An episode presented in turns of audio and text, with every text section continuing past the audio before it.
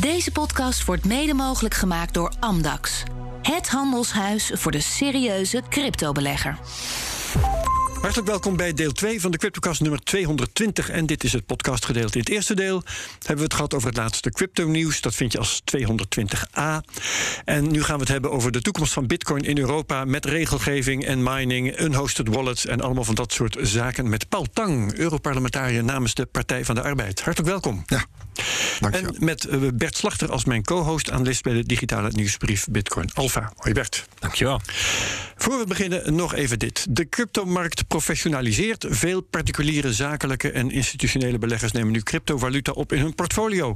En toch wordt het cryptodomein vaak nog gezien als een anoniem online gebeuren. Voor Amdax is het juist volkomen persoonlijk. Cryptovaluta opslaan, verhandelen of het beheer van je cryptovermogen volledig uit handen geven. Amdax is er voor de serieuze cryptobelegger die zijn portefeuille wil onderbrengen bij een veilige en professionele partij. En dan namens de redactie van de Cryptocast, als je graag naar ons luistert, vergeet je dan niet te abonneren. Dan ben je elke week direct op de hoogte van de nieuwste aflevering. Zoals deze. Goed.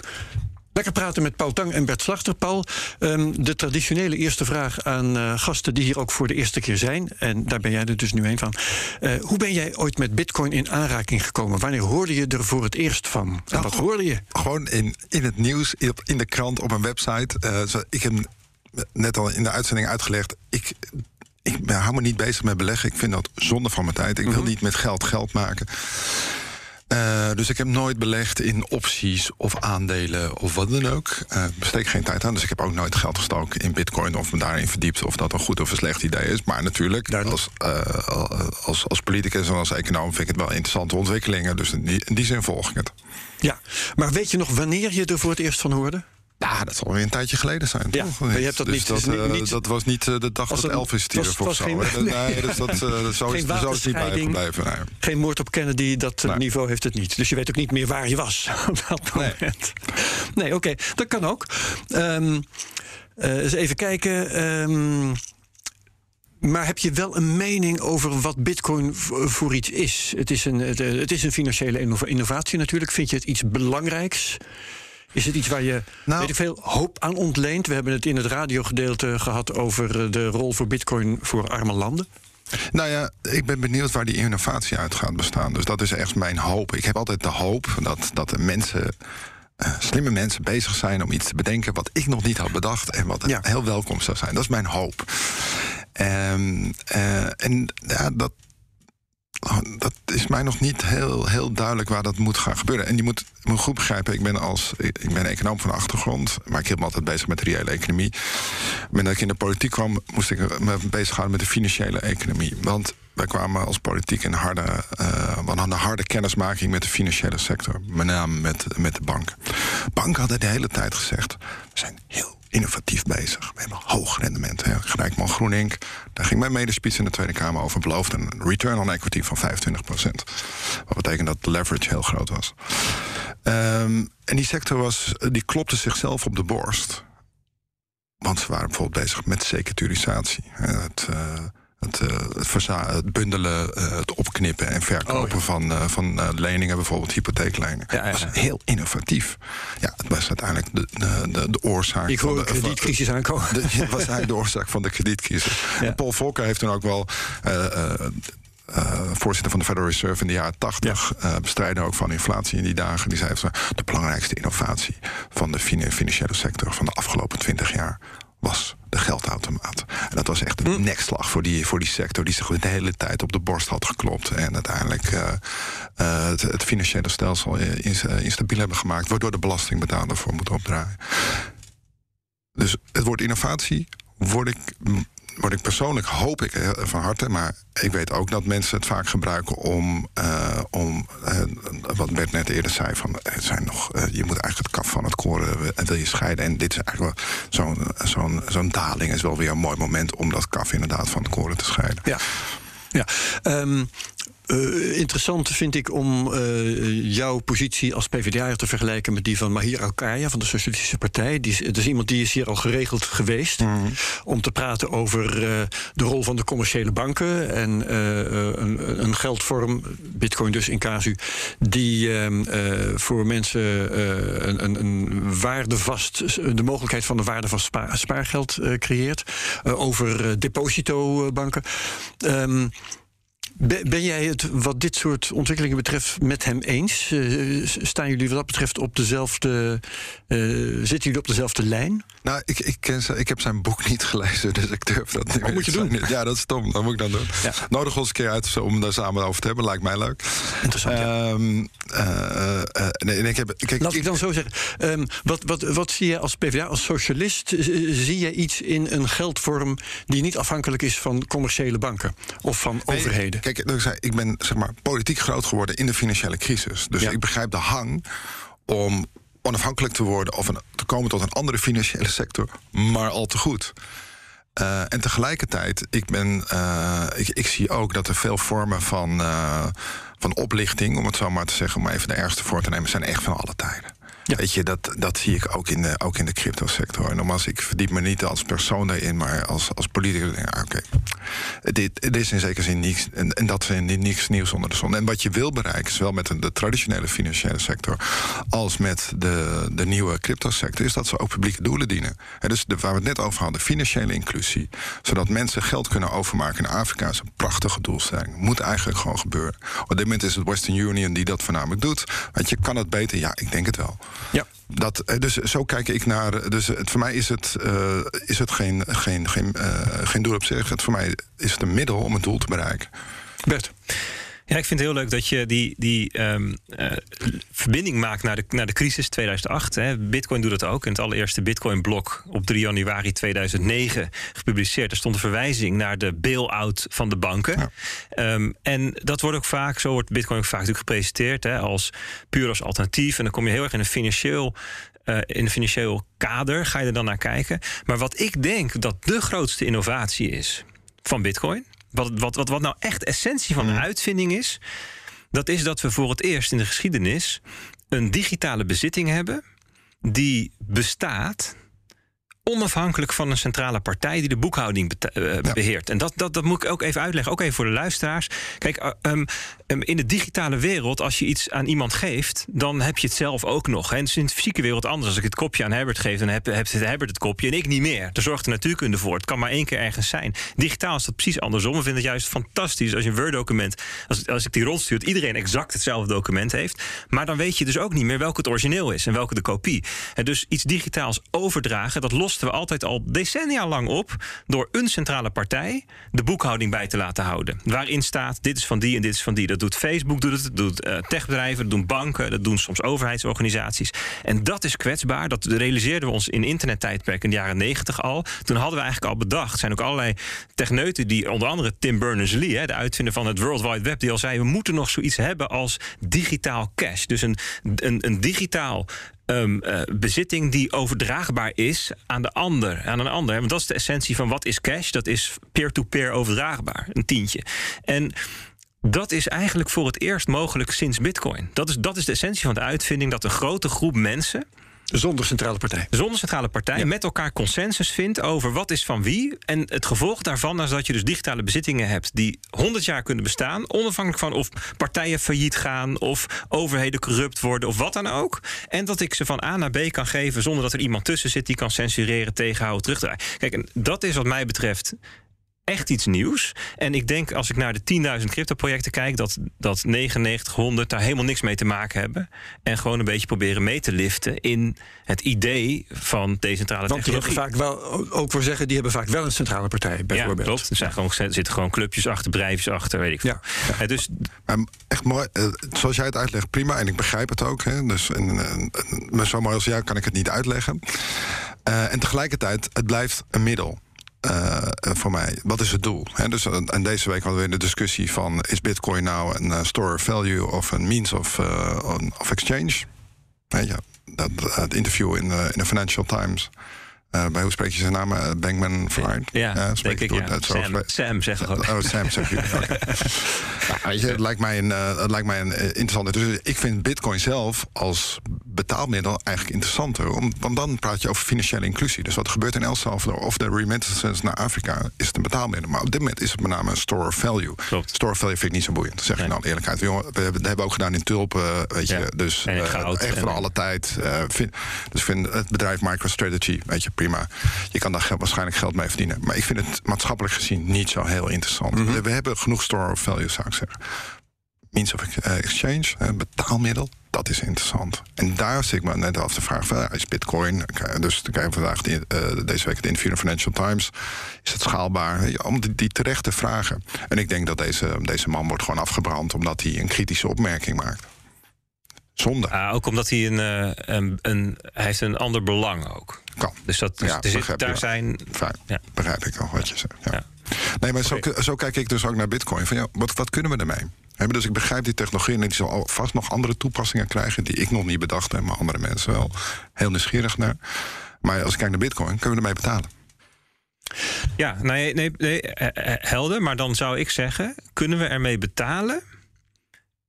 Peer-to-peer. zonder dat iemand dat kan censureren, terugdraaien, tegenhouden. Uh, um, zonder dat um, um, het mislukt als een centrale partij omvalt. Eh, want betalen gaat, aan betalen gaat altijd bewaren vooraf. Je kunt niet betalen als je het niet ook bewaart. Hè. Dus dat is toch wel op een of andere manier aan elkaar verbonden. Ze zeggen ook wel eens: in de evolutie van geld begint het met het zijn van een store of value. En daarna een, een means of exchange. En pas helemaal het uiterste zou kunnen zijn dat ook nog een rekeneenheid wordt. Goed, daar kun je ook wat van vinden. Zeker met technologie worden dingen wat meer fluïde. Hè? Want dat zie je ook in El Salvador. Weet je, de een prijst in dollars en de ander betaalt met bitcoin. Het wordt gewoon on the fly omgerekend. Hè, dus dat, en, en omgewisseld ook. Um, maar dat is wat voor mij de essentie is van de technologie. Kijk, als je zegt, ik ben gewoon op zoek naar een um, means of exchange, dan ja, er zijn er natuurlijk heel veel van. Er zijn allerlei manieren waarop je dat kan oplossen. Maar die zijn allemaal fragiel in de zin van afhankelijk van een, uh, van een partij. En, en er zit iets anders aan vast. Want zo'n partij is altijd lokaal georiënteerd. En als jij van uh, Brazilië naar Japan wil, ja, dan wordt dat ineens lastig. Wie, wie, mag dan die boekhouding beheren? En dat zag je natuurlijk bij Libra. Die zei voor het eerst: wij gaan iets wereldswijds doen. En toen was iedereen wakker. Ja. Ja. Maar nu komen we in de buurt, denk ik, van de nog, op handen zijn de Europese regels. Nog, nog even, even de vraag. Dus begrijp je zegt, het moet niet meer zijn dan een betaalmiddel zijn, maar het moet uh, uh, ook betrouwbaar zijn, dus niet afhankelijk van een centrale partij. Um, maar als staat dan die store of value dan het, de means of exchange in de weg? Want omdat je die enorme fluctuaties hebt in de bitcoin, maakt het ook eigenlijk als betaalmiddel gewoon wat minder interessant. Ja, niet, niet, als je die omrekening on the fly kunt hebben. Nee, nou ja, maar dan nog, hè, want wat Salvador doet, is best, best riskant om twee betaalt uh, twee munten, om het zo maar te zeggen, tegelijkertijd in omloop te hebben. Zeker. Je hebt Cresham's Law, kreeg ik nog als student. Uh, ja. bad money drives good money. Weet je, dat, Zeker. dat, is echt, dat, dat kan heel destabiliserend werken. Ja, waar, waarom gaat het als je contracten in de ene munt afsluit, dat het misgaat als je met de andere munt moet gaan? Ja, je krijgt arbitrage, ja. vormen van arbitrage. Ja. Klopt. Ja, en dat kan destabiliserend werken. Nee, dus het, de, de hypothese is eigenlijk dat, men, dat je zegt van Bitcoin zien wij in eerste instantie als technologie. En technologie, kijk, want als je iets, als je kijkt naar goud, goud is af. Dat is gewoon atoomnummer 79. Het is wat het is, punt. Dat ontwikkelt zich niet meer. Bitcoin is technologie. Dat betekent dat het vandaag anders is dan gisteren. En uh, in 2017, 18 waren er heel veel journalisten... Hè, toen ook die vorige boeren was, die gingen zich dan in verdiepen... en die kwamen tot de conclusie... Bitcoin is traag en duur en onhandig om te betalen. En niet schaalbaar. En die conclusie was terecht. Mijn zin, het was waar wat ze toen concludeerden. Nu niet meer. In, inmiddels hebben we het Lightning-netwerk sinds 2019 eigenlijk pas. 2015 verzonnen, 2017 die merge geweest, 2019 de Torch. De luisteraar die kent het. En eigenlijk pas sinds 2021, zo kort geleden, is dat productierijp. En de conclusie die je vier jaar geleden trok, terecht, die is nu achterhaald. En dat is een beetje het probleem van technologie. Dat um, je moet niet alleen kijken naar wat het nu is, maar ook naar wat het zou kunnen worden. En dan zeg ik ja, inderdaad, Bitcoin zelf is volatiel. Hè, en dus voor mensen die volgende week genoeg geld moeten hebben om de huur te betalen, niet geschikt als uh, bewaarmiddel. Um, en daarom zal zeker in de komende tien jaar nog een belangrijke rol zijn weggelegd voor stablecoins op Bitcoin. Die combinatie, de integratie. Ja, precies. Maar heb je dat dus niet nodig? Dus, eh, ja, mij, tijdelijk in ieder geval. Nou, ja, je, je hebt dus een vorm van stablecoin nodig om Bitcoin geaccepteerd te maken. Ja. Bedoel, het is een heel belangrijk argument. Werkbaar te maken. Een van de grote Europese projecten is de euro geweest. Ja. Omdat de wisselkoersvolatiliteit gewoon zo diep in, eh, ingreep in het economisch leven. We hebben nu. We worden Tussen de verschillende Europese valuta van destijds. Ja. hebben dus, hebben, en dan had je de run op de pond, waarmee George Soros rijk is geworden en Ja. nu eh, weldoener kan spelen. Ehm, maar dat, greep, dat greep enorm in. En dat heeft ons ook veel gebracht, denk ik. Want we gaan. We hebben best veel crisis de afgelopen tijd. Eh, waaronder eh, de, de, de Syrië-oorlog, nu de oorlog in Oekraïne, de Brexit, de COVID, financiële. Zonder dat we ook nog daarbovenop de wisselkoersveranderingen kregen en de speculatie daarop. Ja. En dus dat, dat heeft wel echt bijgedragen aan de stabiliteit. En Ja. Dus dat, is- dat is wel een groot goed. Ook voor de reële economie, want uiteindelijk ook voor mij, eh, ik heb net uitgelegd, wij gaan niet om geld, wij gaan het om het, om het leven. Dus de financiële economie moet dienend zijn aan de reële economie in mijn beleving. Maar ik, vond, vond het wel belangrijk om hier dit in het gesprek, eh, zeg maar, vroeg in het gesprek hier even over te hebben. Want we gaan zo meteen hebben over regulering. En eh, ik, ik, ik praat ook wel met toezichthouders en zo. Hè, die, die dan vragen van, joh, wat, hè, hoe, hoe moeten we hier nou naar kijken? Hoe moeten we dit nou duiden? En zeg nou, ik vind eigenlijk maar één ding belangrijk. Ik, ben heel erg voor allerlei dingen ehm, eh, regelen met elkaar. Maar doe het dan zodanig dat de kern van de technologie overeind blijft. Dat de ziel erin blijft. Je kunt het ook kapot reguleren, kan. En daar zijn ze ook wel best wel veel toezichthouders die ik spreek zeggen... we willen dat niet, we willen het niet kapot reguleren. We willen ook, we zien het is een, globaal, wereldwijd fenomeen. Dus we hebben er ook niks aan als we het hier stuk maken. Het gaat gewoon elders verder. Dus kunnen we nou ehm, die regulering zo maken... dat we wel de negatieve bijwerkingen die er ontegenzeggelijk zijn aanpakken... maar de potentie, de ziel, de kern overeind houden. Dat zou, dat zou zo mooi zijn. Is dat iets wat jou aanspreekt, even, nee, tuurlijk, dat spreekt Ja? me aan, maar even voor Bert, dit zegt elke sector tegen me. Nee, sure. Dit zegt Ja. elke sector. allemaal. Nee, dus dit, dit zeiden ook de banken tegen, eh, tegen ons. Hè. En je weet dus, de Nederlandse banken, even, dit is even de geschiedenis. De, bank, de Nederlandse banken moesten worden beboet voordat ze eh, de, de taak van eh, het aanpak van witwassen op zich hebben genomen. Ze, pas daarna zijn ze hard gaan investeren. Dat geldt voor alle Nederlandse banken. En ze hebben het nog steeds niet op orde. Om eerlijk te zijn, Ze zijn nog steeds aan het werk. En ze daarvoor zeiden ze... het is niet nodig en het is te, te duur, moeilijk. te moeilijk. En, hè, dus dit, dit zegt elke sector. Dus dat is, maar ik ben het mee eens, je bent op zoek naar die oplossing. Dat zou ik heel leuk vinden. eh, misschien in deze podcast of later van. Wat zou nou een oplossing zijn die goed past bij, bij crypto of Maar bij, Bert, bij, of bij ja. bitcoin? Als jij zegt eh, de, de, de ziel van de wat beschouw jij als de ziel van de Bitcoin-technologie? De decentralisatie, het feit dat niemand Juist. de baas is, dat, dat er geen enkele centrale partij in zijn eentje de regels kan aanpassen. En Ja. dat, is, dat is het hele. Kijk, als je dat niet hebt, dan ben je eigenlijk gewoon een oude eh oud dat- concept in een nieuw jasje aan het Dat de eh, Europese regelgeving, waar Paul dus een lans voor gaat breken zo direct, eh, dat die die ziel wel aantast zoals die er nu op stapel staat? Ehm, nou, voor, voor 90% niet. Voor 90% eh, pakt het ehm, allerlei problemen aan die ook aangepakt moeten worden. En voor 10% zit dat misschien wel, eh, Ja. heeft het wel de potentie om dit te slopen. Ja. Oké, Ja. Paul, ehm, Mika, Mikar, eh, de een noemt het zus, de ander noemt het zo. Kun jij uitleggen wat de gedachte daarachter is, wat de bedoeling daarvan is en wat de regels zijn die ons tegemoet lachen op dit moment? Nou, ik weet niet of ik daar nou naar de perfecte vertegenwoordiging van ben. Hè? Want dit is wetgeving die, eh, waar, ik niet, waar ik niet persoonlijk aan, ge- aan gewerkt heb. En het, het komt eh, in essentie op neer dat het doelstelling heeft van bijvoorbeeld eh, investeerdersbescherming en daarmee regulering van, eh, van, eh, van de platforms. Het gaat om uitgeven van valuta, cryptobeheerders. Ehm, en dat is volgens mij, eh, voor mij is dat ook niet het, grote probleem in voor, voor de sector. Ik kijk even naar Bert. We hebben een discussie gehad over. Over, de, over de duurzaamheidseisen die gesteld, wel of niet gesteld en zouden mining, worden. dat, eh, Hè, d- dus dat verbod was- voor mining is eh, dat net was- niet dat- ingekomen. Ja, Ja. nou, het was geen verbod. Stond- Kijk, dit is interessant dat je het stond zegt. het eerste het, het, was geen, het was geen verbod op mining. Dat heeft er nooit gestaan. Ja, het was een impliciet, Nee, potentieel impliciet heeft- verbod. nee, nee, nee, nee.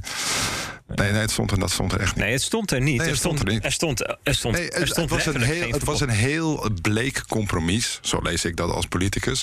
Er moet een duurzaamheidseis komen. En de mensen moeten tegen die duurzaamheidseis ehm, ehm, eh, gehouden worden. Ja, het was nee, geformuleerd. nee, Dan, dan zijn we, dan zijn we een, een flink en verder hoor. Kan Nee, ik het dat is wel, eh, geformuleerd dat het eigenlijk alleen maar over bitcoin kon gaan. Ja, klopt. Het, het ging wel heel duidelijk over dat een, dat een, een, ehm, eh, een cryptomunt of het, het consensusmechanisme, daar, daar moest wel een, plan worden gepresenteerd waarin het zich zou verduurzamen. Ja. Ja, en dat kan bij Bitcoin natuurlijk niet, omdat er geen bedrijf achter zit. Je kunt niet tegen een bedrijf zeggen: jij moet nu een plan maken. Er is, niet, er is niet een vertegenwoordiger van Bitcoin. Er is niemand. Nee, begrijp ik. Dus eh, dus- ook maar daarvoor geldt dat je. Dus soms heb je collectieve problemen waar je als decentrale. Dat is, dat is, dat is de zwakte in zekere zin van Bitcoin. Ja. Hè, dus in elke decentrale oplossing, hoe kom je tot collectieve oplossingen?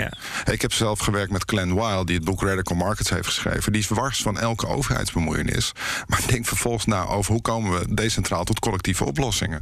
Ja. Omdat de problemen zijn er wel. En eh, op zichzelf, en de samenleving mag heel goed zeggen: van, joh, wij vinden dit een probleem. Het Kijk. toenemend energiegebruik. Kijk even wat er gebeurt bij de datacenters van Facebook. We hebben Ja. een discussie: moet Facebook komen in Zeewolde? Er is geen wet die dat zeg maar kan verbieden. Hè?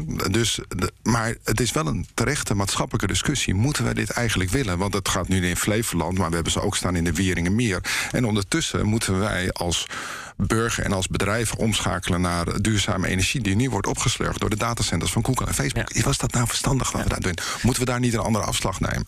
Nou ja, terechte discussie, denk ik. Ik, spreek best wel veel progressieve bitcoiners, noem ik ze maar. Het zijn mensen die enerzijds ehm, eh, zonnepanelen hebben, een Tesla rijden en alles doen om hun uitstoot te, te minimaliseren. En anderzijds een, een groot hart hebben voor wat bitcoin de wereld eh, zou kunnen gaan bieden. En die zeggen, ehm, eh, de essentie van bitcoin is proof of work. Zonder proof of work val je eigenlijk terug op een systeem van centralisatie. Nou, een proof of stake is eigenlijk, is eigenlijk het idee wie geld heeft, heeft macht. Dat is, en er is nog geen enkele munt geweest, ever, waar proof of stake, ehm, waarbij er geen sprake was van centralisatie. Wij noemen het ook wel als dino's.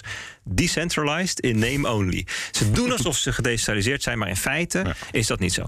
En ehm, ehm, de- het enige mechanisme wat tot nu toe bewezen heeft, 13 jaar lang, om bestand te zijn tegen alle mogelijke aanvallen die je kunt bedenken en toch gedecentraliseerd is gebleven.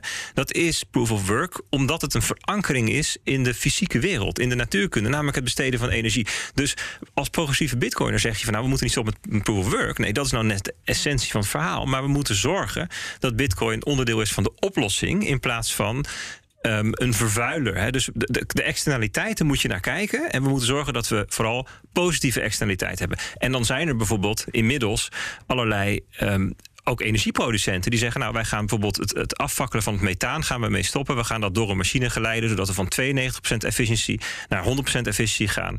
Scheelt gigantisch veel methaanuitstoot. En dat bekostigen doordat we daar bitcoin mee eh, minen. En is dan een anekdote. En dan heb je een andere anekdote er tegenover. En dat zijn die smeerpijpen in Kazachstan die kolen verbranden. Dus je kunt. Mining op zichzelf is niet vies of, of schoon. Het hangt er vanaf welke miner wat doet. Kijk, en er zijn heel veel bitcoiners, zeker in Nederland, die zeggen. En in de VS is dit ook een opkomende beweging. Zeggen: wij willen ervoor strijden dat proof of work, het minen. ehm, onderdeel is van de oplossing, de energietransitie versnelt enzovoort. Maar dat kan niet als je het zo formuleert dat nee. proof of work moet verdwijnen. Nee, maar zo was nog, er was nog niks geformuleerd. Hè? Dus dat was het compromis. Weet je? Nee, dus de compromis was nog niet zo geformuleerd. Dus het werd opgevat als een band. Maar zo, ik begrijp, zo werkt een deel van, eh, van de, van de cryptowereld. Maar wat ik interessant... Nou, nee, maar- nee, nee, dat is gewoon Nee, zo. dit was, Dat- dit, dit was dit, oh, dit dit is is ook gewoon door juristen was dit zo geanalyseerd. Nee, Van, ja, hier nee, zit nee, in nee, potentie nee, zit nee, hier. nee, nee, ja, nee, we, we kunnen, Nou, van, we kunnen van alles aan ophangen, maar dat is. Ik dat, weet te zo- geen discussiëren, jurist jongens. zal dit zo. We- we gaan- geen jurist zal dit zo. Maar wat ik interessant vind, kijk, de discussie blijft. Als je voor het minen heel veel energie gebruikt en in toenemende mate, dan begint het te lijken op de datacenters van Google en Facebook. Dus wat Mhm. is je antwoord? Dus, en dan kan je niet zeggen, we gaan energie heel efficiënt gebruiken. Goed. Ja, we gaan, we- het antwoord kan ook niet alleen zijn, we gaan e- energie duurzaam maken. Nee. dat is niet voldoende, want, we zitten, want dat willen we allemaal tegelijkertijd doen. Helder. We moeten nu ook, eh, namelijk onze cv-ketel, eh, het nieuws van deze ochtend, onze cv-ketel eruit. Moet, Moet ook gaan gebeuren. worden, ja. Moet warmtepomp worden. Terecht. Maar we willen het allemaal tegelijkertijd. Dus er moet ook een, een, een, echt een energie-efficiënte manier worden gevonden om. Of niet. Of, of dat minen moet op zo'n manier gebeuren dat het daadwerkelijk om energie gaat die ehm, bijdraagt aan de oplossing. En dus afvalenergie of energie die het net stabiliseert, zoals men. men- Maar goed, Kijk, je, als iets veel energie kost, dan is het niet- een fijn uitgangspunt, zeg maar. Je wil namelijk zo min mogelijk e- wil je komen tot duurzame Nou ja, energie, er probeer je ook- energie te besparen en zo min mogelijk energie te gebruiken. Nou, er zijn Dus ik vind, dit, ik vind dit verhaal vind ik altijd wel wat moeilijk te Ja, begrijpen. maar, maar, om, laat me in, graag om in overtuigen. wetgeving een specifieke toepassing eh, nou, illegaal te verklaren is misschien net te- te veel maar gezegd. Echt, maar- nogmaals, dat is echt niet. Kijk, le- lees gewoon het compromis naar. Kom tot duurzaamheid eisen en probeer ze daar tegenaan te houden. En dan zou je ook, wat mij betreft, het gesprek kunnen hebben van ja, we moeten hier misschien wel iets gaan veranderen. Maar maar- nogmaals, dat vind ik een hele legitieme maatschappelijke discussie. Het kan niet zo zijn dat we het wel over datacenters van Google en Facebook hebben. En niet over, over dat- het energiegebruik van Bitcoin. daar zijn Nee, we het mee eens. niet over de datacenters van Google en eens. Facebook. We, zijn we zeggen niet over de datacenters van Google en Facebook. Die mogen niet de energie gebruiken die ze gebruiken. Dat, Nee. dat moment gaan we wel naderen, denk ik. Ja. Nee, maar een verschil is denk ik dat je, je kunt wat zeggen over eh, datacenters van Facebook en Google die zich in Europa willen vestigen. Ja. En niet die zich in Brazilië willen vestigen. Dat valt buiten de rijkwijde van, eh, van, van de Europese Unie. Maar wat je in de, in, de, in de MICA doet, is iets zeggen over Bitcoin als asset, omdat er consensusmechanismen aan de grondslag liggen. Als je had gezegd, wij gaan wat zeggen over de miningbedrijven in Europa. Ja. Ik ben je vriend. Ja, prima. Goed idee. Dat is heel wat anders dan dat je zegt: we, we, eh, we gaan het muntje eh, markeren, omdat er ergens in de wereld, waar dan ook, het, het consensusmechanisme te veel energie verbruikt. Waar we geen invloed op hebben. En, en, en da- dat is waar die scheef loopt. Hè, dat, dat mensen zeiden van ja, dus er is een eis, wordt er gesteld aan bitcoin, waarvan, wij, waarvan de potentiële oplossing conform die eis buiten onze cirkel van invloed ligt. Namelijk, er zou dan een verbeterplan moeten worden geformuleerd. Dat kunnen wij niet, want er is niet zoiets als de Bitcoin BV. En we hebben ook geen invloed op wat er in Kazachstan gebeurt. En Prima. Maar dat had ook allemaal kunnen gebeuren. hè. Maar goed, nogmaals, ik, het woord werd, het werd vertaald als het is een, eh, het is een verbod. Nou ja, quod non. En daarna ontspoorde de discussie. Oké. Ja. Maar dit gesprek, Ik dit, al, dit gesprek we- blijft. Nee, maar dit gesprek blijft. Hè, want dit is wel een essentieel onderdeel van. eh het minen is een essentieel onderdeel van Bitcoin, zeg je. Dat willen, willen we niet kwijtraken. Dan komt de vraag ook op de sector af. Ja, hoe dan wel? Helder. En dat, dat gesprek gaan we ook graag aan. Maar dan dus op een manier dat niet de, de enige oplossing is dat het minen dus stopt wereldwijd. Of dat bitcoin hier verboden wordt, zeg maar dat. Oké. Ja. De- Wat dat betreft, minen toch maar even afsluiten. Ja, we ja, hebben nog een hoop meer om over te praten. Eh, Anti-witwasregels eh, namelijk bijvoorbeeld. Ja. Ja, Ehm, wat, wat worden in eh, de MICA-MICAR-wetgeving... dat is, dat is niet in de MICA-wetgeving. Dat de, dat is- sorry, ja, sorry, nee, maar dat is Ja, even voor de, voor de. Ja, Nee, dat ja, is ja. niet erg, maar het is gewoon voor de, voor de uitleg voor de, voor de luisteraar. Dat is andere wetgeving. Ja. Er ligt nu een vrij uitgebreid pakket eh, in de strijd tegen witwassen en terrorismefinanciering. Hè, want ook daar moet vernieuwing en innovatie optreden. Dat is voor een deel institutionele. Hè, dus eh, dat betekent ook dat er een Europese witwasautoriteit gekomen is. Hard nodig, want we weten allemaal dat criminaliteit is grensoverschrijdend. En de aanpak is nog veel nationaal. Ja. Dus dat moet. Dus dat is een van de veranderingen.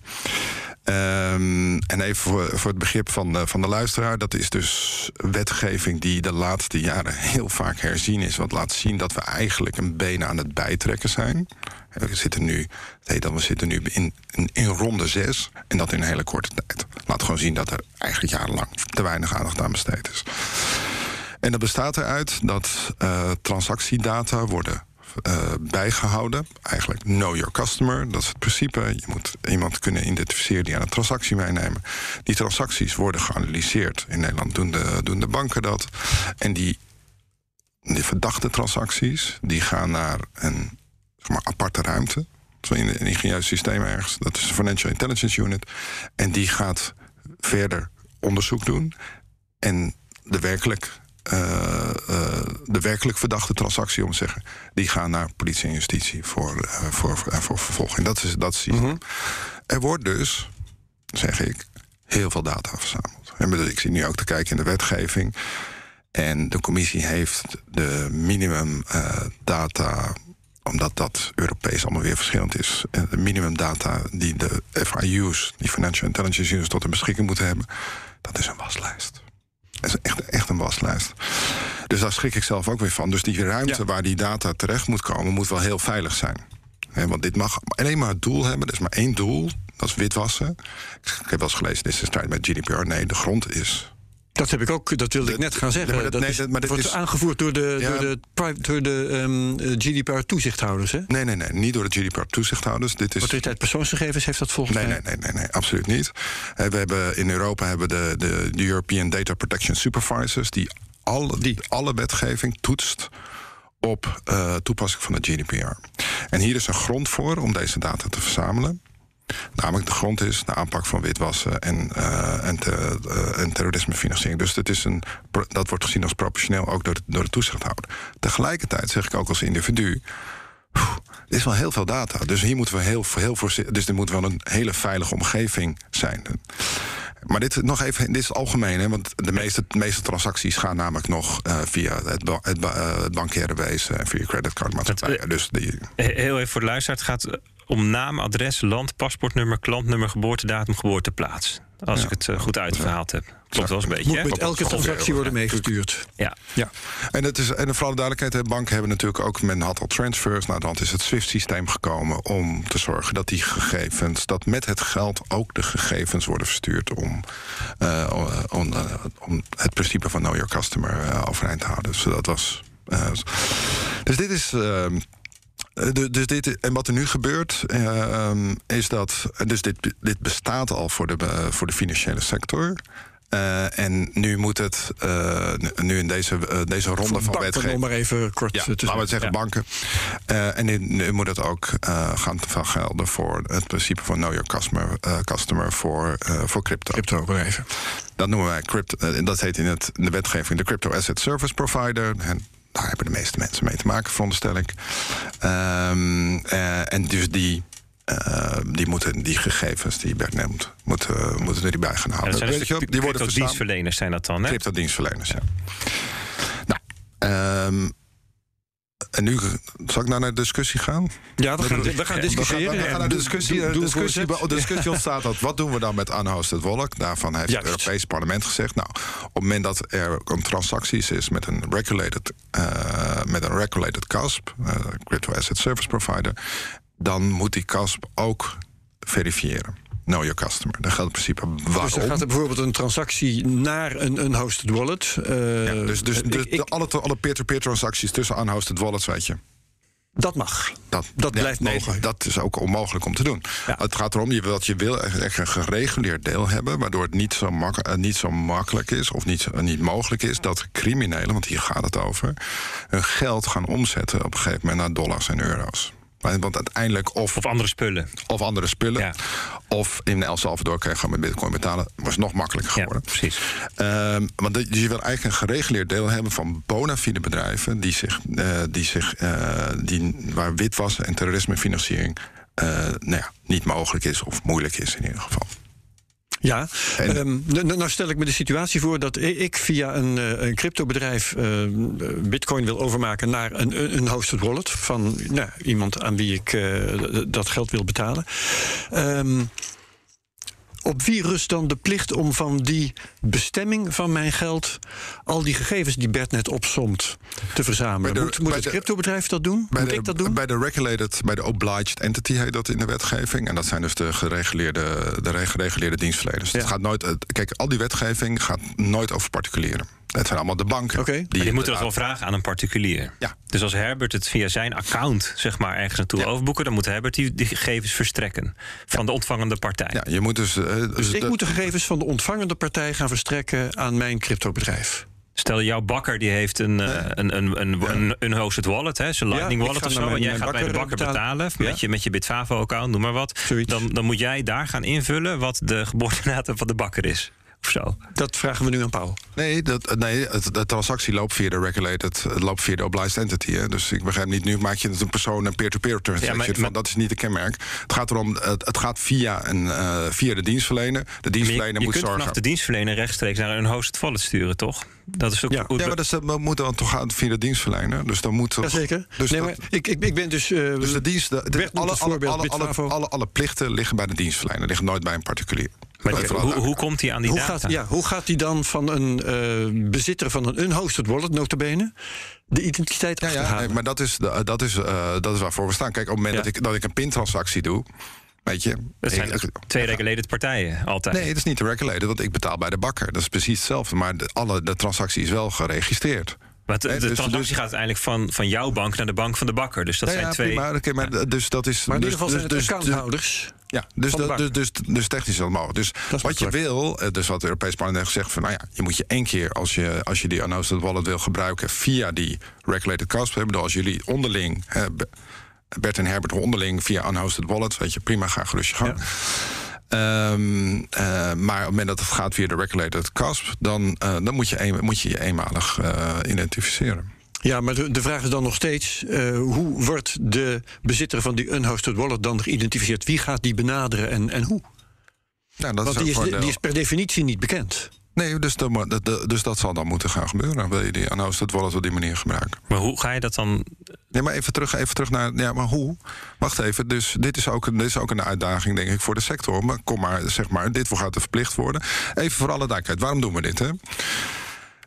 Want nu gaan we even. Want een van de, de vragen moet zijn: van wa- waarom zou je deze sector. Komt, ja, dus ik lees ook argumenten. Witwassen komt veel minder voor. Nou, we hebben daar niet heel veel gegevens over, eerlijkheidshalve. Ik bedoel, dat, is, dat is een van de problemen in de sector. Dus je weet niet Eh, eens of je een ernstig probleem bestrijdt. nou, daar gaan we het nu over hebben. Ja? Nee, nee, Ja? dat is prima. Je vraag was ook eh, heel neutraal, fijn. Ehm, wat we weten van Chainalysis is dat er eh crypto crimes zijn. Dus eh, dan transacties op het dark web, eh, vaak eh, van kinderporno, ransomware. En hebben nog de piramidespellen. Dus dat is redelijk in kaart gebracht door Chainalysis. Hoewel Chainalysis, dit is ook een van de problemen, is geen onafhankelijke partij. Het is gewoon een private partij. En ik heb even gekeken door, met vijf crypto-investeerders erachter. Vind ik wel jammer. Ja. Dat zorg even voor onafhankelijke data.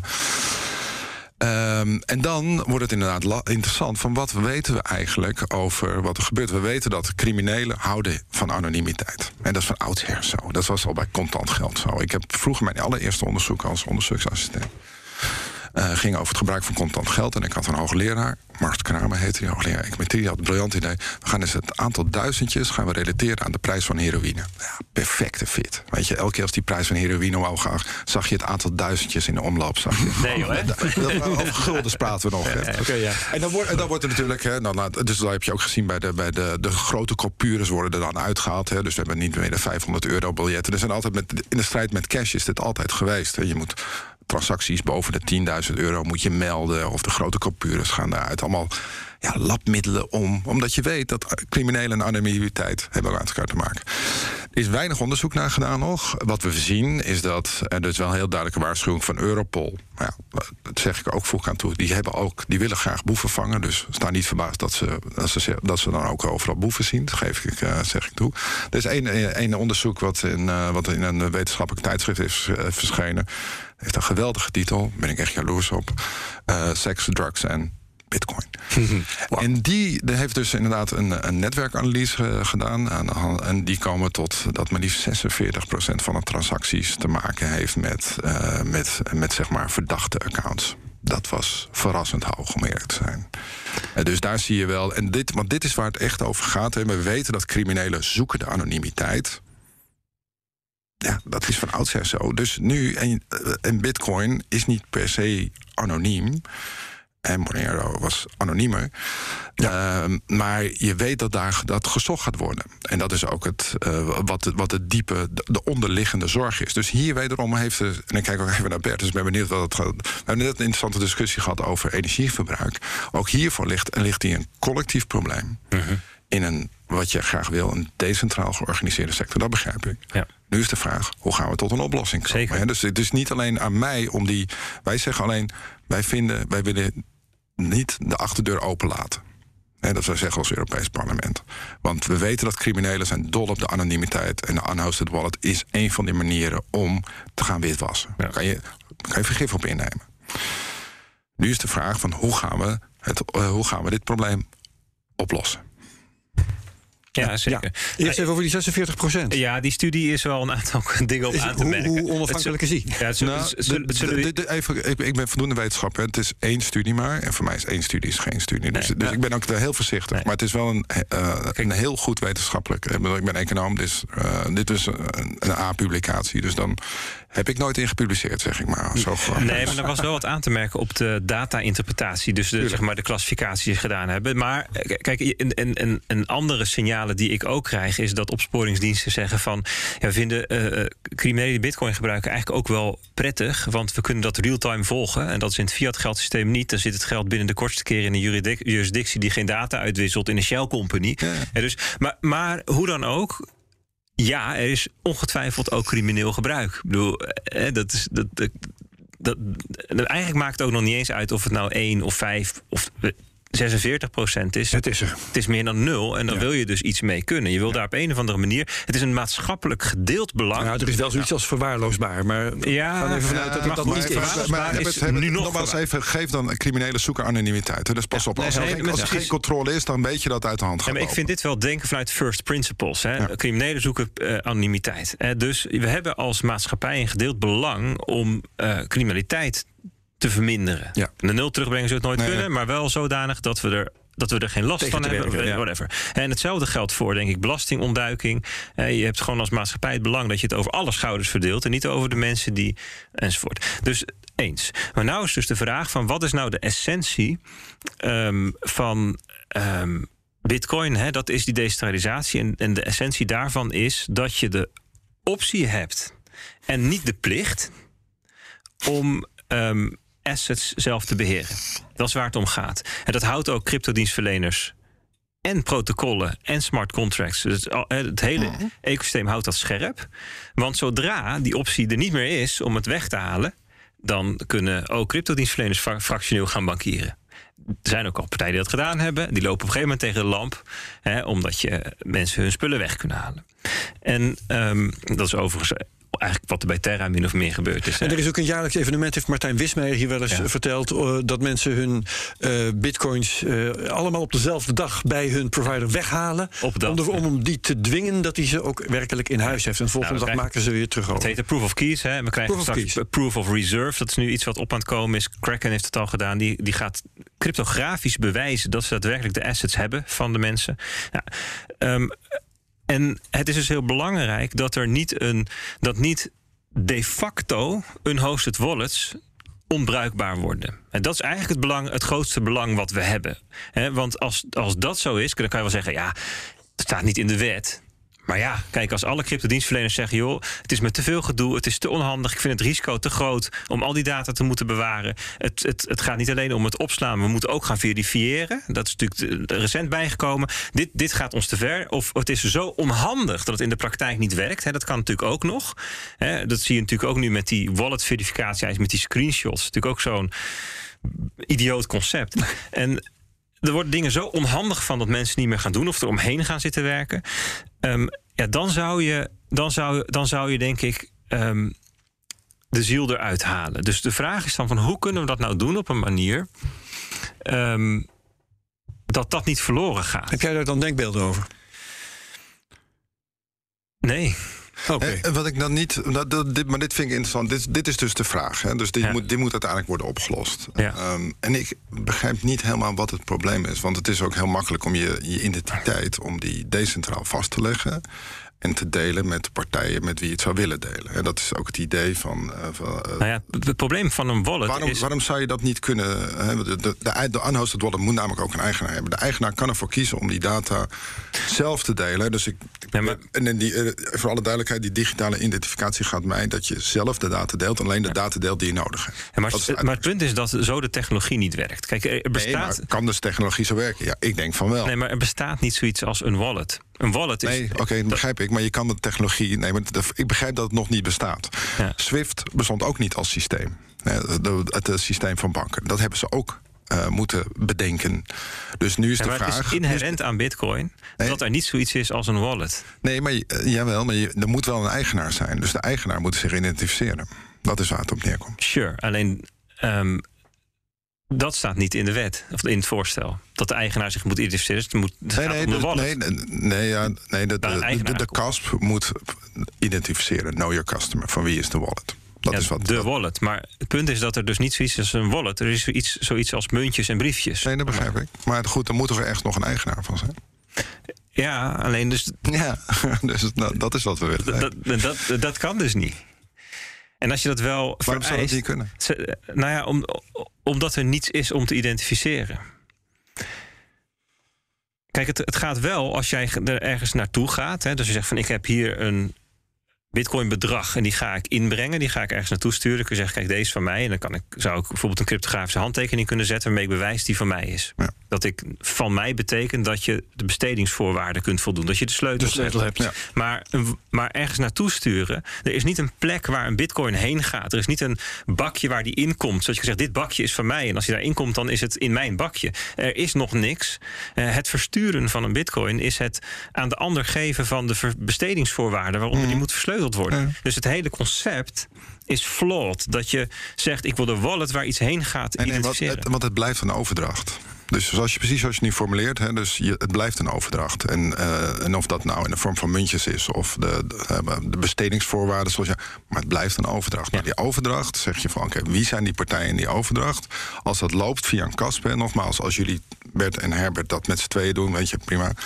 Dat is iets waar we waar niet aan gekomen. Maar als het via een kasp gaat, hè, waar, en dat is alleen maar gericht op criminelen, dan moet je in- eh, identificeren welke partij daarbij betrokken is. Om het even heel, heel simpel eh, eh, vanuit gebruikersperspectief te noemen, Bert. Er is, eh, iemand heeft een scherm waar een 1 verandert in een 0. En iemand anders heeft een scherm waar een 0 verandert in een 1. Nee, helder. Hè? Dus op het moment dat jij interacteert tussen de cryptodienstverlener en jouzelf, dan is dat prima. Ja. En dat is wat je dus nu ook ziet gebeuren. Ja. Dat in Europa, of in Nederland in ieder geval, alle interactie tussen cryptodienstverleners en derden is, is stil komen te liggen. Dat hele concept is weg, want alles wat mensen nu doen is ze gaan het eerst naar zichzelf overboeken en daarna gaan ze het naar anderen sturen, omdat je namelijk niet een wallet verificatie met screenshots kunt doen van andermans wallet. Nee. En dat wordt straks nog veel erger, want je kunt niet een ander identificeren. En dus, dus wat we straks krijgen, is dat. ehm, eh, je moet altijd unhosted naar unhosted gaan doen. En het hele concept van hosted naar unhosted... dat gaat in Europa er niet zijn dan. Dan Ja. krijg je dus dat cryptodienstverleners... niet namens hun klanten een Lightning Wallet kunnen hebben. Dat kan niet. Dat kan hiermee niet. Je kan niet hebben dat cryptodienstverleners... namens hun klanten een Web3 wallet hebben... waarmee je DeFi of NFT's gaat doen. Want dan Voorzie interacteer je met een smart contract. Ja. Dus dat, dat, dat hele stuk verdwijnt dan. Dus wat je dan krijgt, is dat je altijd van de cryptodienstverlener eerst naar jezelf gaat overmaken. Want jij kunt jezelf wel identificeren. En van daaruit eh, Ja. gaat dan Waarmee je dus het, betalingsverkeer eh, juist weghaalt van de controleerbare partijen. Precies. Paul Dat- nu heel moeilijk. Ja, nee, ik, ik, ik, ik, luister met, met, met, met belangstelling. Nou, Eh, de- de- dat is wel een grappig punt waar wij nu opkomen. Dat, eh, natuurlijk, de maar, dit, maar, wetgeving dit, zo- maar dit, is, dit is het argument wat ik natuurlijk hoor. Maar wat mij nog steeds niet duidelijk is... waarom zijn die overdrachten nou niet te, eh, ni- eh, niet, eh, te controleren? Want dat is een kwestie... Ik begrijp dat het in de huidige vorm niet kan. Hè? Dat begrijp ik. Nogmaals, banken moesten ook, konden dat in eerste instantie ook niet. Dus die hebben dat moeten leren. Nou, dat moet Nou, in de deze- bankwereld bestaat er niet zoiets als een unhosted wallet. Ja, dat is Ja, je portemonnee cash dat- in. iedereen- dat is cash. Ja, dit, Nee, oké, dus- die nee, daarvoor Ja, doen we ja, dat niet. Want dat zou namelijk ook niet werken. Het zou ook niet werken dat als jij bij de bakker komt betalen... dat je dan je portemonnee moet identificeren. Nee. Dat is, dat, is, dat is het equivalent eigenlijk van een wallet. Inderdaad. Ja. Waar fysieke objecten in zitten. En, en wat ehm, eh, het allemaal nog moeilijker maakt, volgens mij, dat is dat. Maar, In nou, als je cash stort in grote hoeveelheden... moet je dan niet identificeren bij de bank? Ja, dus mij het- wel. precies. Dus, Ja, dus- als het dus- Dus dat is precies de analogie. Ja, wel, Nee, nee, het- nee, nee Ja, dat is precies. niet helemaal de analogie. De analogie zou zijn dat jij bij de bakker komt en dat de bank cash betaalt voor jou bij de bakker. Dat zou de analogie zijn. Dus namelijk een. In, Ja, dus, dus, dus als jij zelf, als ik mijn bitcoin eh, naar de cryptodienstverlener st- stuur of de bitcoin eraf haal, no problem, dat kunnen we. Ik kan mij identificeren en dan. Het kan on the fly, dat kunnen we bouwen, kunnen we slimmer doen dan nu. Kunnen we, ehm, de, eh, zeg maar het hele ecosysteem kan de software op worden aangepast. Die geloof ja. ik wel. Dat kunnen we stroomlijnen. Ja. Ehm, Zeker als het wereldwijd is en niet alleen Nederland dat we hoeft uit te vinden. Maar het punt is, wat ontstaat, is dat ik zeg van. Ik wil graag dat crypto-dienstverleners voor, voor mij mijn wallet beheren. En daarmee gaan interacteren met andere unhosted wallets. Of smart contracts, wat unhosted wallets zijn. En, nee, dat zeggen we, uh, dat weet ik niet. Ja, dus Ja, wat, nee, wat, je, wat je doet is op het moment dat je een. nee, dit stuk is helemaal niet goed. ehm, Dit crypto-dienstverleners, het enige wat we, de eis die we stellen, is dat op het moment dat er een interactie is tussen een. Waarbij een crypto-dienstverlener betrokken is, dat de crypto-dienstverlener kan identificeren. Dat is alles wat we zeggen. ja, maar Dus dat, wat je nu zegt gaat weer verder, volgens mij. Nee, als, als een Dus- cryptodienstverlener namens mij een wallet heeft. Dus ik heb een account bij een cryptodienstverlener. En vanuit mijn account wordt er iets gestuurd naar een derde. En dus er wordt geïnteracteerd Ja, met een derde. Dan moet die, de cryptodienstverlener weten wie die derde is. Ja. Maar die derde die kan zich niet identificeren. Want ik zit achter het stuur. Ik zit in mijn app. Die derde. Maar, nee, maar wil die andere dan niet ontvangen wat jij stuurt?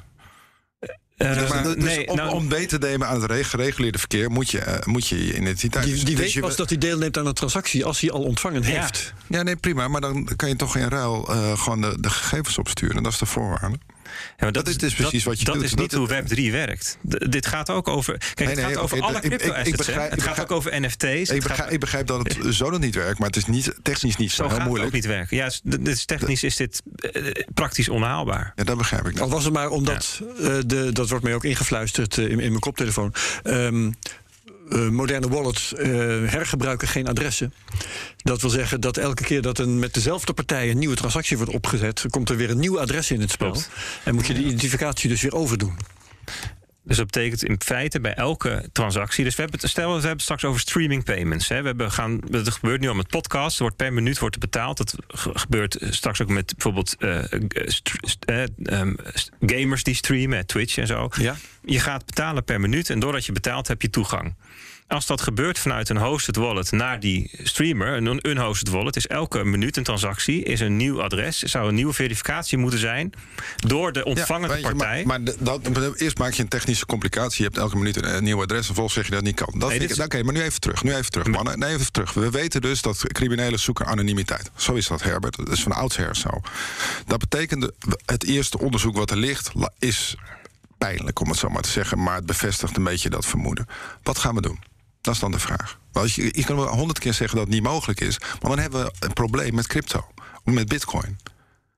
Dat zie je, zo zie ik dat dan. Want dan gaan we onze maatschappelijke doelstellingen niet, eh, eh, niet bereiken. We gaan geen ruim baan geven aan criminelen.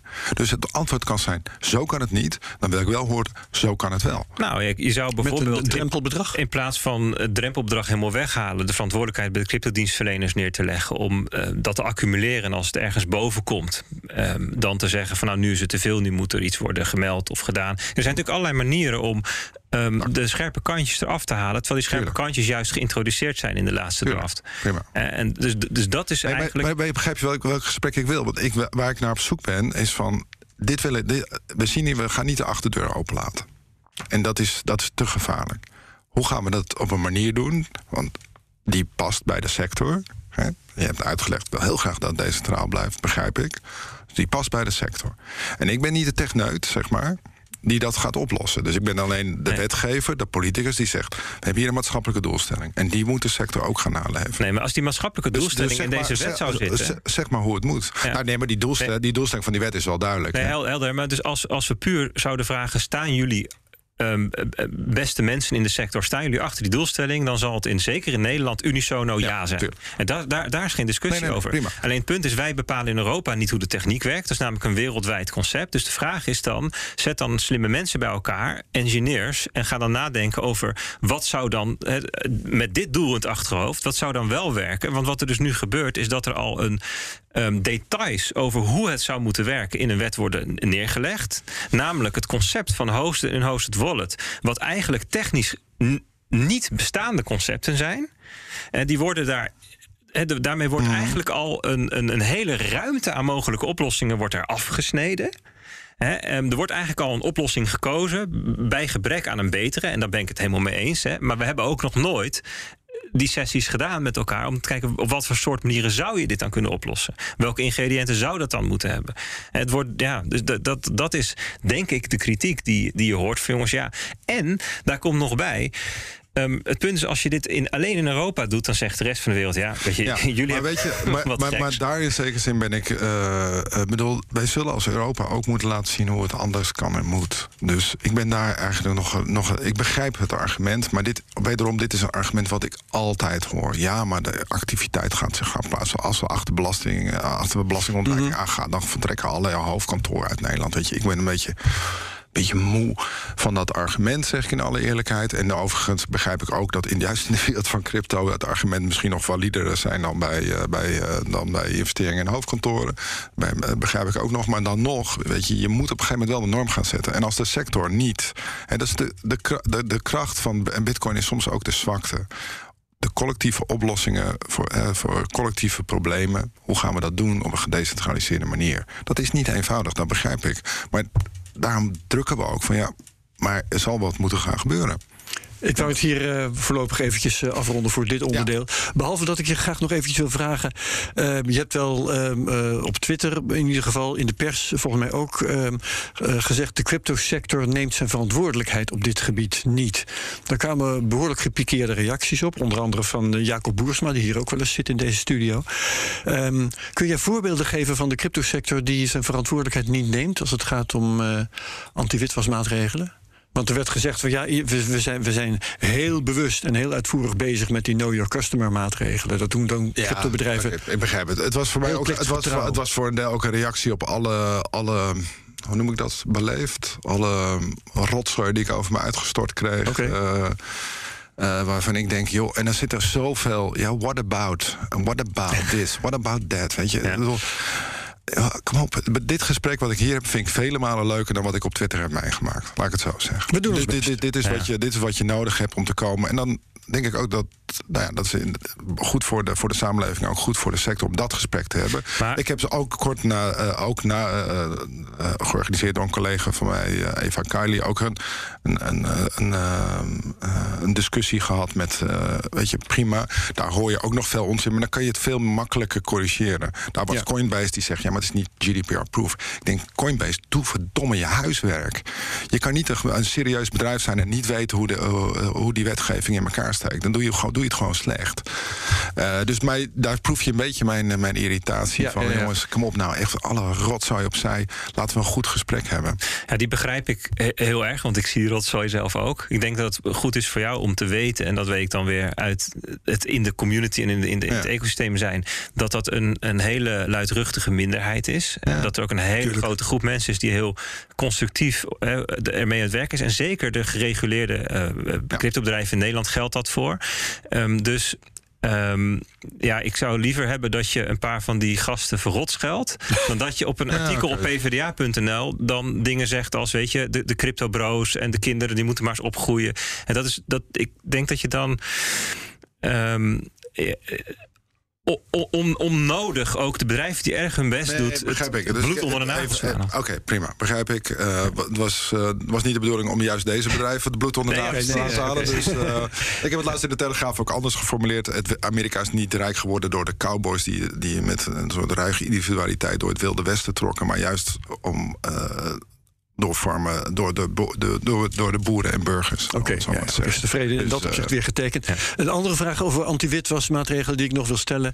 Dan ronden we het echt af. Dat is eh, die AMLD5-wetgeving in Nederland. Die heeft eh, redelijk wat eh, cryptobedrijven stuk gemaakt. Die zijn er gewoon mee opgehouden. Heeft redelijk wat cryptobedrijven het land uitgejaagd. Die zijn er gegaan naar Hongarije, naar Panama, naar Estland, noem, noem maar op. Ehm, ja, wat, wat ik als vraag heb genoteerd hier. ehm, met eh, nieuwe anti-witwas, Europese anti-witwasmaatregelen. Wordt Europa dan het Nederland van de wereld? Ook, ik weet niet of ik de vraag nou helemaal begrijp als Europa het Nederland... Als, als Europa op dit gebied strenger wordt dan elders, ja, gaan Ja, dan Europese bedrijven het zij stoppen, het zij de- naar buiten Europa? De de- uitleg daarbij is dat Nederland AMLD 5 strenger heeft geïmplementeerd Oh, dan andere. Oké, Ja. Dat, ehm, Strenger dan nodig was in de, in de landen. strenger dan andere landen. Dit is allemaal niet uniek eh, voor de cryptosector. En dus de banken Mhm. klagen ook steen en been. En de vraag is natuurlijk ook, hoe kan je het slimmer doen? En dus dat geldt zeker voor banken die nu eh, AI gaan toepassen op hun databestanden. Ik denk, ja, je kan waarschijnlijk het veel slimmer eh, organiseren. Ehm, maar het is een deel van de cost of doing business. En een onlosmakelijk deel. Uh, want we kunnen geen ruim baan geven aan, aan criminelen en terrorisme. Misdaad mag niet lonen. En dat is een strijd die als samenleving misschien nooit kan winnen, maar die altijd moet aangaan. Dat is het punt. Dus dit is een deel. En in die zin, ik zie het dan, om even terug te komen op het woord volwassen. Ik denk dat de cryptosector eigenlijk serieuzer en serieuzer genomen wordt. Dus je kan het ook positief zien. Zeker. En dus ik denk juist omdat er veel successen zijn geboekt en het impact heeft. Uh, ja, oké, daarvoor konden, uh, konden wetgevers en politici zeggen: Nou ja, kijken we. Het gaat wel weer over. Misschien gaat het over, misschien ook niet. Die, die tijd is voorbij. Ja. En dus het hoort ook bij, die, bij, de, bij de cryptosector om deze verantwoordelijkheid op te nemen. En ik geloof heel graag dat er al bedrijven zijn die dat heel serieus doen. Maar ja, uh, het, is nog niet, het is nog niet klaar. Bert, heb jij nog een uh, laatste vraag of opmerking? Ja, dus de, de, de, ik denk dat er een sterke um, uh, drive is om daadwerkelijk alles te doen wat nodig is om um, verantwoordelijkheid te nemen. Waarbij Um, het belangrijke is dat er dus oog is voor het niet verminken van de onderliggende technologie. En dat is bijvoorbeeld uh, ervoor zorgen dat proof of work mogelijk kan blijven. Wellicht onder bepaalde condities of uh, met bepaalde voorwaarden. En het geldt ook dat er dus um, een vloeiende interactie mogelijk blijft tussen cryptodienstverleners en hun hosted wallets. En als, dat, als je dat eruit haalt, ja, dan vermink je eigenlijk de technologie hier. En dan voorkom je dus daarmee dat er massa-adoptie ontstaat. Want dat is natuurlijk altijd het punt. De massa neemt het pas in gebruik als het onwijs gebruiksvriendelijk is. Mm -hmm. En zolang je die gebruiksvriendelijkheid kunt maken bij de cryptodienstverlener, dan, dan kunnen we dat bouwen. Gaan we het bouwen, dan gaan we investeren. Dat is het probleem niet. Maar het probleem is als iets is wat um, conceptueel niet anders kan. En dat je dan dus zegt, van, ja, dan daarmee vermink je het. En dat, dus dat, dat is eigenlijk waar met name de, um, uh, wat de wens is vanuit uh, mm. de gemeenschap. Ja. Paul, nog iets moois te zeggen ter afsluiting?